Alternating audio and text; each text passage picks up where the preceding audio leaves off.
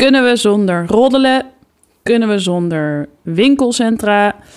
Kunnen we zonder poopshaming? Kunnen we zonder conspiracies? Uh, kunnen we zonder verwachtingen van resultaat? Kunnen we zonder ghosting? Kunnen we zonder influencers? Hallo. Waar uh, luisteren mensen naar? Mensen luisteren naar de nieuwe podcast Kunnen we zonder? Ik ben uh, Mari. En ik ben Loeke. Hallo. Hallo. En uh, wij komen vanaf deze week iedere week je podcastfeed in met onderwerpen waarvan wij denken of ons afvragen: kunnen we hier eigenlijk zonder? Ja, uh, misschien moeten we even beginnen met onszelf voorstellen. Wie ben jij? Behalve Mari. Ik ben Mari, ik ben journalist en uh, scenario schrijver. Ik woon in Los Angeles, California, USA. En hiervoor, uh, ja, voor de duidelijkheid. En uh, hiervoor woonde ik uh, in New York. En daarvoor woonde ik in Nederland. Ja. En um, heb, je, heb je nog meer over jezelf te zeggen? Want je bent natuurlijk meer dan alleen je werk en waar je woont, denk ik. Wat? Niet?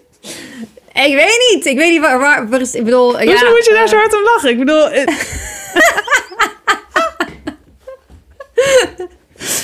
Uh, nou ja, voor zover het relevant is voor de luisteraar. Uh, ik eet geen vlees. En ik hou van muziek en boeken. En uh, ik ben getrouwd met een hele leuke vrouw. En ik heb een hond. Waar ik heel veel van hou. En, um, en hoe heet die? Mijn hond heet Leonard. Naar Leonard Cohen.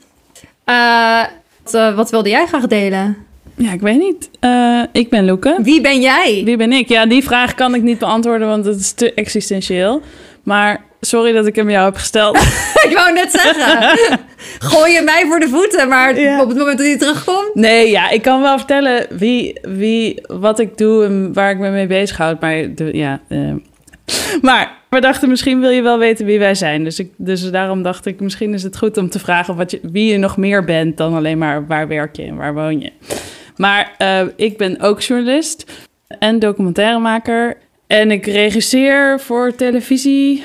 Uh, Niet makkelijk te beantwoorden, toch? Nee, hartstikke moeilijk om te beantwoorden. Nou ja, op zich, hoe kennen wij elkaar? Wij kennen elkaar uit Los Angeles, omdat ik daar ook uh, bijna drie jaar heb gewoond. En ik ben teruggekomen voor de crisis, of eigenlijk door de crisis. Uh, en ik kan nu niet wachten om weer terug te gaan, maar dat zit er gewoon voorlopig even niet in. Dus ik zit in Nederland. Twee podcastliefhebbers die gewoon een podcast aan het maken zijn. Precies. Maar waarom? Waarom, nou, uh, waarom hierover? Dat, waarom hierover? Ik denk dat omdat de um, pandemie, de crisis zoals jij het net noemde, heel erg heeft duidelijk gemaakt uh, wat eigenlijk wel en niet essentieel is. Mm -hmm. uh, zowel op um, maatschappelijk niveau als op persoonlijk niveau. En dat we eigenlijk toen we tot stilstand kwamen, of dat de boel eigenlijk een beetje piepend en krakend uh, werd gepauzeerd, we ons realiseerden hoeveel we eigenlijk deden en hoeveel we van onszelf vroegen, hoeveel er van ons gevraagd wordt. En dat eigenlijk het credo om ons heen altijd is meer, meer, meer. Meer produceren, meer consumeren, meer rusten, meer self-care meer reizen, meer koken, maar ook meer uit eten. Weet je, het is altijd ja. meer. Ja, en het is nooit genoeg. En het is nooit genoeg. En de vraag was bij ons eigenlijk, die, waar we steeds op terugkwamen toen we het hadden over onderwerpen waar we het graag meer en vaker over wilden hebben, was waar kunnen we dan zonder? Ja, en welke dingen zijn ook zo gewoon, quote unquote, en welke dingen doen we zo op de automatische piloot waar we helemaal niet bij stilstaan, waarvan we nu eigenlijk ontdekken, is het zo erg om dat dus niet te doen of minder? En nou is het zo, dit is natuurlijk wel echt een soort luxe uitgangspunt, uh, want als je niet de keuze hebt om de dingen überhaupt niet te doen of te moeten doen, dan hebben we het over iets heel anders. Maar wij zijn heel erg gaan nadenken van...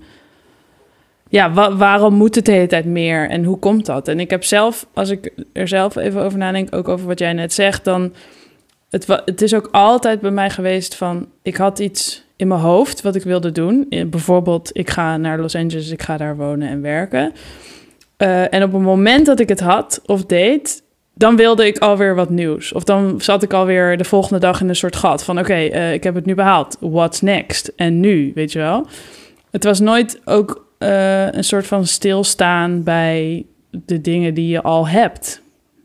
Je moest altijd weer iets nieuws en iets meer. En ja, en toen je, als je er dan stil moet gaan staan en je komt er dan achter van wat brengt dat doel me nou eigenlijk, dan is dat niet altijd precies zoveel als je hoopt of wilt. En dus eh, denk ik dat het mooi is om eens na te denken over wat we, wat we anders zouden kunnen doen en wat, wat voor dingen we zouden kunnen laten.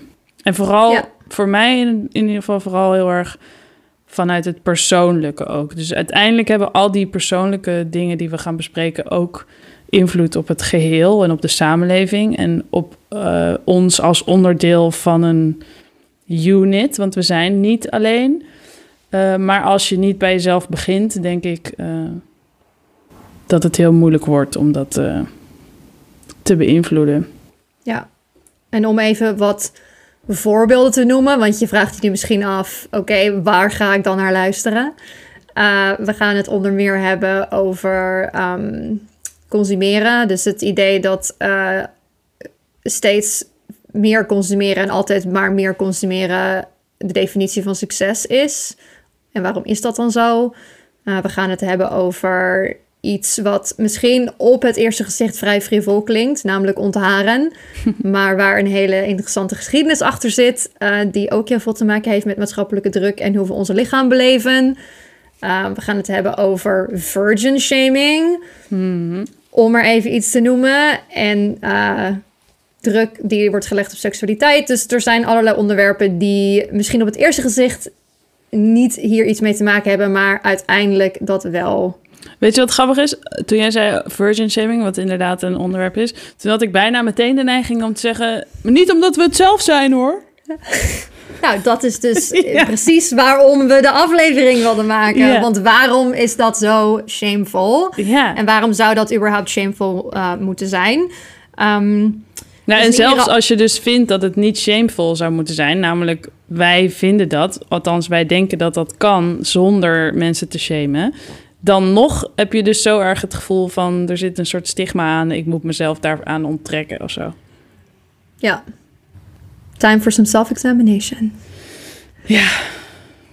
Hoe gaan we dit doen, Luca? Hoe gaan we ja. mensen meenemen in onze gedachtenwereld en deze onderwerpen? Nou ja, sowieso dat. We gaan proberen mensen mee te nemen in onze gedachtenwereld. Door, uh, ik hoop, en dat is mijn eigen wens, om door um, gewoon een beetje al die filters die je hebt even te laten gaan. Om dus gewoon te zeggen wat er in je opkomt. Maar we gaan dat ook doen in een soort structuur of misschien een soort aanpak in de aflevering. Uh, omdat we dus niet alleen maar de hele tijd over onszelf gaan praten en hoe wij dingen beleven. Maar dat we dus ook sprekende voorbeelden van elk onderwerp gaan opduikelen. Om even te kijken in welke vorm het allemaal voorkomt. En wat dat betekent voor hoe we het nu beleven. En we ontdekken dan ook een beetje waar het vandaan komt en hoe het ons hier heeft gebracht. Um, verder spreken we ook met mensen die het al zonder doen. Um, of die uh, tegen de, de norm ingaan. En we willen graag weten hoe ze dat dan doen en hoe ze dat dan beleven en welke backlash ze krijgen, maar ook wat het ze brengt. Daarnaast spreken we of geven we eigenlijk uh, creatieve gasten een minuut, in ieder geval ongeveer een minuut de tijd om een, lied of een tekst of een monoloog of een sketch of een gedicht. Of een oproep tot actie ja. of een utopie. Te schetsen van een wereld zonder het fenomeen wat we in die aflevering bespreken. En dan eindigen we ook eigenlijk uh, altijd met een soort challenge. Uh, omdat wij hebben gemerkt, in, in ieder geval ik heb gemerkt de afgelopen jaren, als je zelf iets meemaakt of zelf iets doet of het gewoon eventjes ondervindt, uh, al is het maar een paar minuten of een dag, dan uh, kan je ineens een hele andere wereld voorstellen die je anders nooit had gedacht. Eigenlijk een beetje ook hetzelfde als um, dat je denkt dat iets een hele grote opdracht is, terwijl wanneer je er gewoon even vijf minuten aan gaat zitten, dan denk je, oh hey, het is eigenlijk zo gedaan. Uh, of dan valt het allemaal wel mee. En dat is eigenlijk wat we proberen in die challenge. Dat we eigenlijk altijd uh, iets bedenken om te doen waardoor jij kan proberen om te ondervinden hoe het is om een leven te hebben zonder het fenomeen dat we dan die keer hebben besproken. En uh, dan horen we natuurlijk ook graag van jullie um, via onze online kanalen en onze e-mail. Ja, en zo proberen we het eigenlijk in een soort context te zetten. Ja, en we zijn natuurlijk uh, maar met z'n tweetjes, ja. twee witte vrouwen. Dus daarom is het juist ook belangrijk dat we af en toe van gasten horen en uh, andere perspectieven ter tafel brengen. En ook dialoog hebben met jullie, slash jou, onze luisteraar. Ja, en wat hopen we dan dat mensen uit onze podcast halen, behalve de dingen die we net noemden qua inspiratie en Ik hoop gevoel. dat mensen zich uh, wat minder druk maken over uh, dingen waarvan je denkt dat ze misschien geen invloed op je hebben, maar die toch meer invloed uitoefenen dan je verwacht.